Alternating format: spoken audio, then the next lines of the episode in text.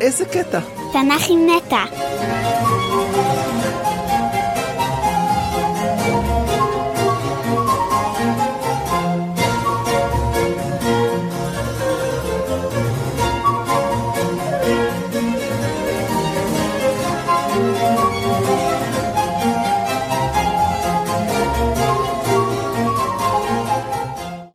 שלום נטע, מה שלומך?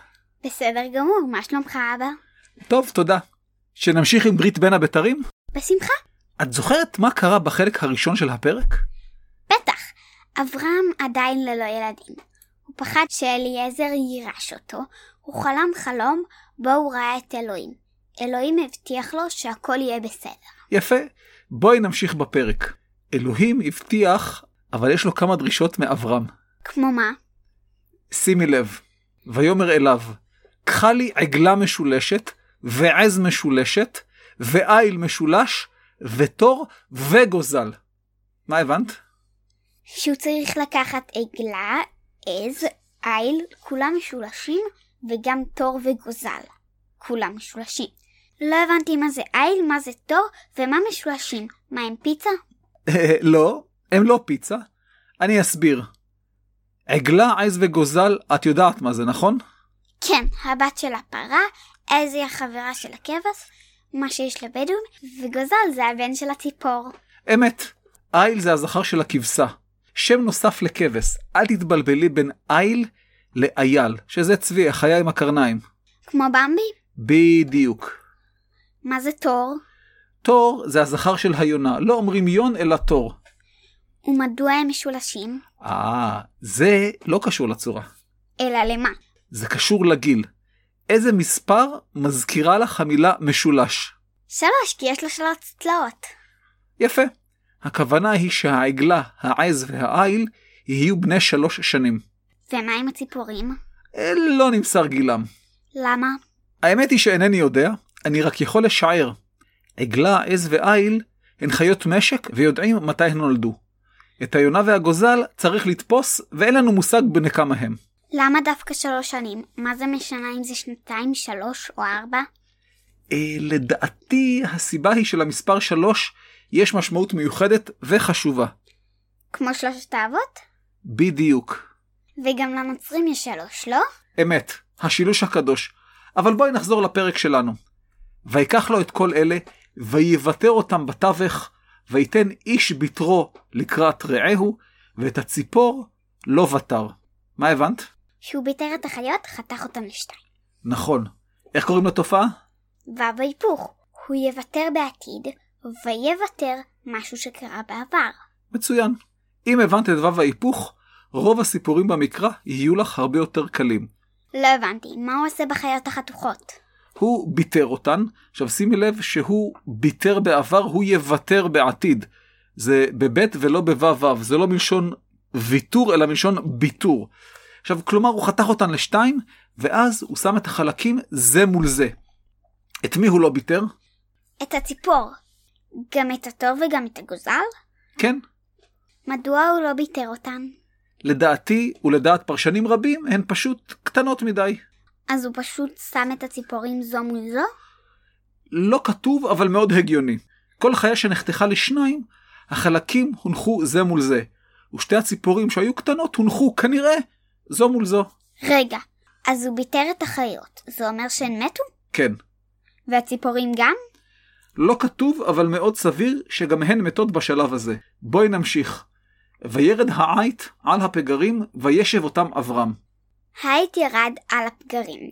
אוקיי, אני מבינה שכולן מתו, אבל אברהם השיב אותן. לא הבנתי בדיוק. מה לא הבנת? יש פה עית. עית הוא עוף דורס, לא אוכל נבלות כמו הנשר. וחוץ מזה כתוב עית, שזה אחד, אבל אברהם השיב אותם ברבים. וגם מה זה השיב? לאן הוא החזיר אותם?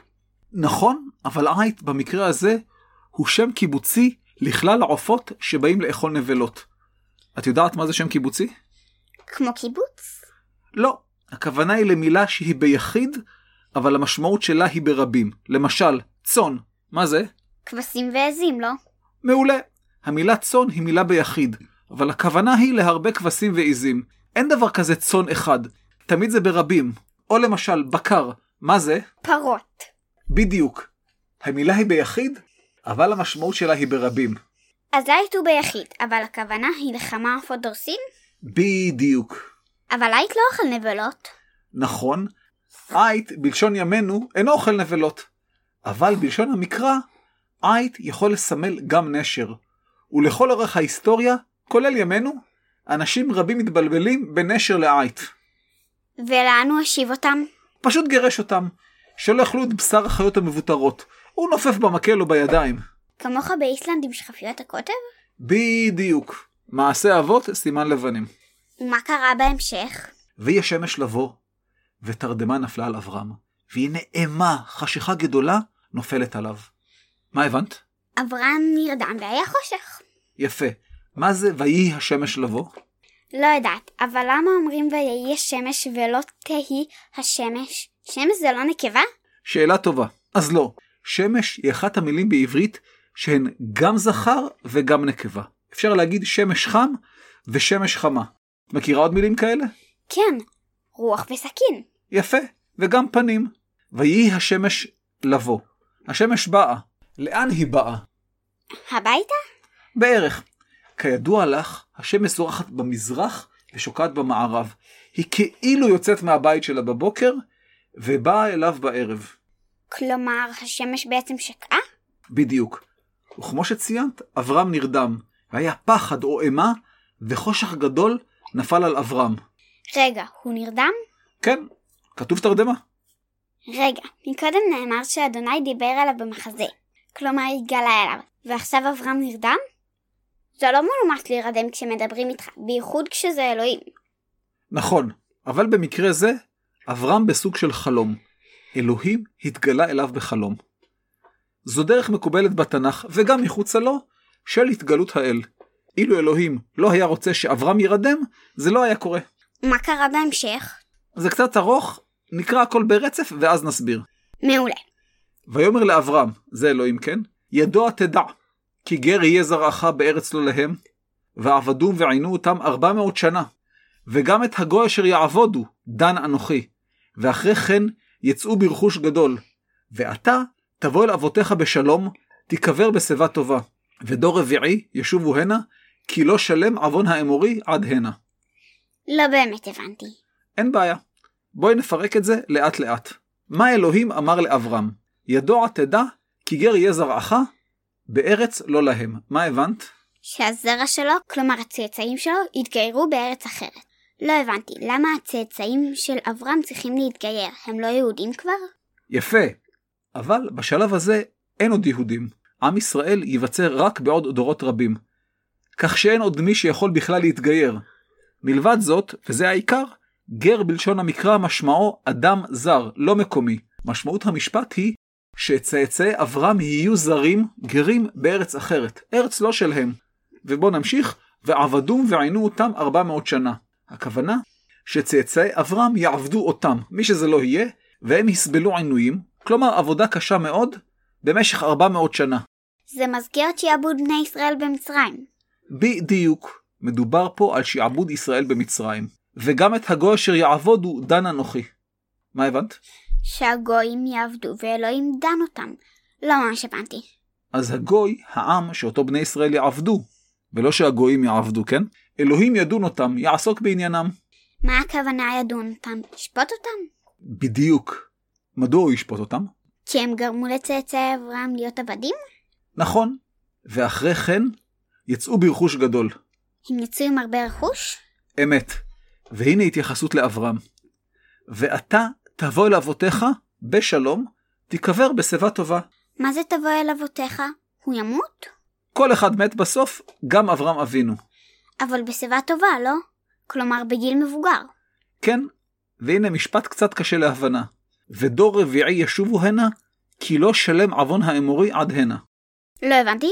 הדור הרביעי של צאצאי אברהם, אלה שיהיו בארץ לא להם, הדור הרביעי יחזור לארץ כנען. טוב, אבל מה זה כי לא שלם עוון האמורי עד הנה? שאלה מצוינת. ומה התשובה? הפרשנים לאורך הדורות, באמת, התקשו בהבנת הפסוק הזה. אז תגיד לי ישר מה אתה חושב, כי זה הכי חשוב לי. תודה על המחמאה. מה זה עוון? לא יודעת. עוון זה פשע, חטא או מעשה רע. ומה זה האמורי? אמורי זה שם קיבוצי. את זוכרת מה זה? כן, מילה שהיא ביחיד, אבל הכוונה שלה היא ברבים. בדיוק. בגדול, כן? האמורים הם עם עתיק שישב בעיראק וסוריה של ימינו. פה הכוונה היא ליושבי ארץ כנען באופן כללי. מיד יגיע הפירוט של העמים השונים היושבים בארץ כנען. למה העוון שלהם לא שלם? לא הבנתי. את לא היחידה. תורת הגמול המקראית גורסת ש... מה זה תורת גמול? שאלה מעולה.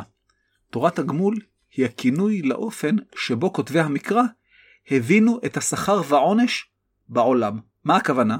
מה הכוונה באמת? אין הכוונה לשכר שמקבלים עבור עבודה, אלא עבור המעשים. הרעיון הוא פשוט. מי שעושה מעשים טובים, זוכה לגמול טוב מאלוהים. ומי שעושה מעשים רעים, זוכה לעונש מאלוהים. מעשים טובים זה כמו מצוות? בדיוק. להיות אדם טוב, לא לגנוב, לא לשקר וכולי. ומעשים רעים זה חטאים? כן, לגנוב, לשקר וכולי. לפי פשוטו של הכתוב, העוון, כלומר החטאי והמעשים הרעים של האמורים, לא שלמים. אני מבין את זה בעצם שהם לא חטאו מספיק כדי שאלוהים יעניש אותם. זה ייקח משהו כמו 400 שנה. ורק כשהאמורים יגמרו לחטוא, אלוהים יחזיר את צאצאי אברהם מהארץ הזרה, שאנחנו כבר יודעים שזו מצרים, אל ארץ כנען, ארצם של האמורים. ואז צאצאי אברהם, שאנחנו כבר יודעים שהם בני ישראל, יענישו את האמורים ויהרגו אותם. יהרגו אותם? למה? עניין מורכב, אבל זה מה שכתוב בתורה. לא ניכנס לזה עכשיו, אלא כשנגיע לקטע הזה בהמשך. רגע, אז צאצא אברהם יגיעו לארץ אחרת, יהיו עבדים, וברגע מסוים, שלא תלוי בהם, אלא באמורי, הם יצאו ממצרים, יגיעו ארצה ויענישו את האמורי? כן. ומה קרה בהמשך? ויהי השמש באה, ועלתה היה, והנה תנור עשן ולפיד אש, אשר עבר בין הגזרים האלה. מה הבנת? השמש באה, כלומר שקעה, והייתה עלתה, כלומר חושך גדול, יפה. ותנור עשן ולפיד אש עברו בין הגדרים. לא הבנתי. מה לא הבנת? כתוב שהיו חיות חתוכות, מאיפה הגיעו הגזרים האלה? מעניין. אבל במקרה הזה לא מדובר ברבים של גזר, השורש הכתום שאת לא אוהבת, אלא אם הוא מרוסק בתוך סלט, אלא מלשון גזירה. כלומר החיות שחתכו, שגזרו אותן. מה זה תנור עשן? במקרה הזה, עמוד עשן או משהו כזה. עשן ואש עברו בין החיות החתוכות? בדיוק. עשן ואש ייצגו את אלוהים בעוד מקום. את זוכרת היכן? בטח! עמוד האש ועמוד העשן בנדודים במדבר. מעולה. אם כי בנדודים, עמוד העשן מכונה עמוד ענן. עמוד ענן זה לא היישומן שלך בטיולים? גם, הוא קרוי על שם עמוד הענן המקראי. אלוהים עבר בין החיות החתוכות? אלוהים או נציגיו, לא באמת משנה. והנה השיא. ביום ההוא כרת אדוני את אברהם ברית לאמור. לזרעך נתתי את הארץ הזאת, מנהר מצרים עד הנהר הגדול נהר פרת. אלוהים כרת ברית עם אברהם? כן, אלוהים כרת ברית, סוג של חוזה, בעל פה במקרה הזה, לפי הברית או ההסכם, הרי הארץ הזו, שבין נהר מצרים בדרום לנהר פרת בצפון, תהיה שייכת לצאצאי אברהם. נהר מצרים זה היאור? בדרך כלל כן, אבל ברוב המקומות במקרא, הגבול הדרומי של ארץ ישראל הוא בנחל מצרים. מה ההבדל? נהר מצרים זה היאור, נחל מצרים זה באמצע סיני, ואדי אל-עריש, כמה מאות קילומטרים מהיאור, שטח קטן יותר. איפה זה נהר פרת? נהר פרת מתחיל בטורקיה, זורם לסוריה, ומשם לעיראק עד שהוא נשפך למפרץ הפרסי. זה נחשב כגבול הצפוני של ארץ ישראל. פעם ארץ ישראל הגיעה לנהר מצרים ונהר פרת? לנהר מצרים מעולם לא. לנחל מצרים בסיני כנראה כן לתקופות קצרות. לנהר פרת ספק גדול. כתוב שדוד המלך הגיע לנהר פרת, כנראה. אבל יש הבדל בין להגיע ולהגיד שלום לבין שהשטח הוא שלך באמת. רגע, אלה הגבולות שאלוהים הבטיח לצאצאי אברהם? כן, אבל אלה הגבולות המרביים ביותר. הכי גדול, בפועל זה לא קרה מעולם. אבל פה בעצם נמצאת ההבטחה האלוהית לצאצאי אברהם, שארץ כנען תהיה שלהם. לכן הפרק הזה כל כך חשוב? כן, זו אחת הסיבות שעם ישראל חש כזה קשר וכזו קרבה לארץ ישראל. בגלל זה חזרנו לפה אחרי אלפיים שנה? קצת פחות מאלפיים, אבל זו אחת הסיבות. יש הרבה, אבל זו אחת מהן, ודי חשובה. מה יש בהמשך? בהמשך יש פירוט של העמים שיושבים בארץ כנען.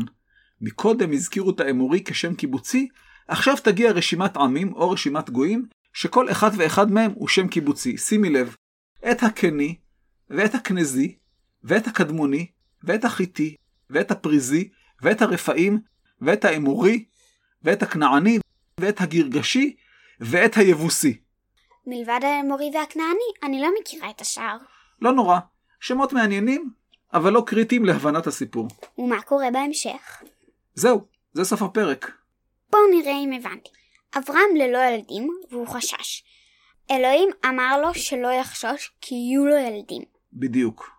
ולא רק שיהיו לו ילדים, אלא המון המון צאצאים, כמו הכוכבים. ואז הוא חתך כמה חיות.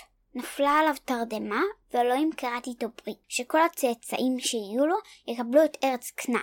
נכון, אבל לפני זה הם יהיו עבדים במקום אחר. נכון. על מה נדבר בפרק הבא? פרק מעניין. שמעת על הגר? השפחה של שרה? בדיוק. נדבר עליה ועל שרה אימנו. היי, יש לה בן, קוראים לו ישמעאל, נכון? נכון? להתראות אבא. להתראות נטע. היה לי כיף, כרגיל. גם לי.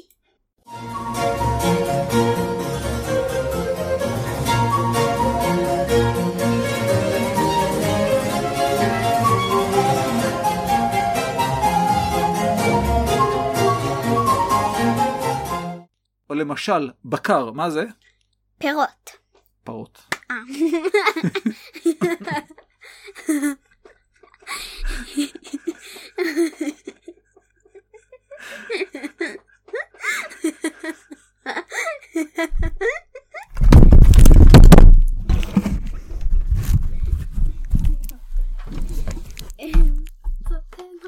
הצחוק שלך הפיל את המיקרופון.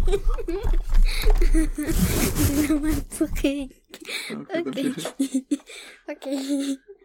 איפה, איך אתה כתוב פה פ- פירות? כתוב פרות. אבל זה יכול להיות גם בלי יוד. פירות זה תמיד ביוד. אוקיי. או למשל, בקר, מה זה? אוקיי. שנייה. כן. שאל אותי. או למשל, בקר, מה זה? בקר זה צחוק. אוקיי. הבקר בקר, אוקיי. אז בואי תעני לי עכשיו. או למשל, בקר, מה זה? פרות. נכון, עית בלשון ימינו אינו אוכל נבילות. נכון, עית בלשון... שמנו.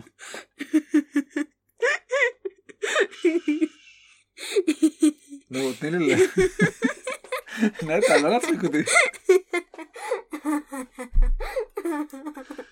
אוקיי. נכון. נו, מה? נטע, אנחנו רוצים להתקבל מהקלטה. יש לי עוד הקלטה אחר כך. אוקיי. נכון. אייט, נו, לא מצליחה. די. נכון. אייט, רגע, מקודם נאמר שאדוני דיבר אליו במחזה. קודם נאמר שאדוני דיבר אליו במחזה. כלומר, התגלה אליו. כמו מחזה זמר. לא, במחזה זה, כן, אוקיי. אוקיי. כלומר, התגלה אליו, ועכשיו אברהם מפה. נו, שש, די, נטע, נטע. כן, נו, נו. זה לא, תשאיר, זה לא מנומס. אוקיי. זה לא מנומס להירדם כשמדברים איתך. לא ככה, ד- ד- ד- נו, אוקיי. אוקיי. אה. שנייה. נטע, נטע, נטע, נטע. אוקיי. זה לא מנומס להירדם. מה יש לי היום? אוקיי.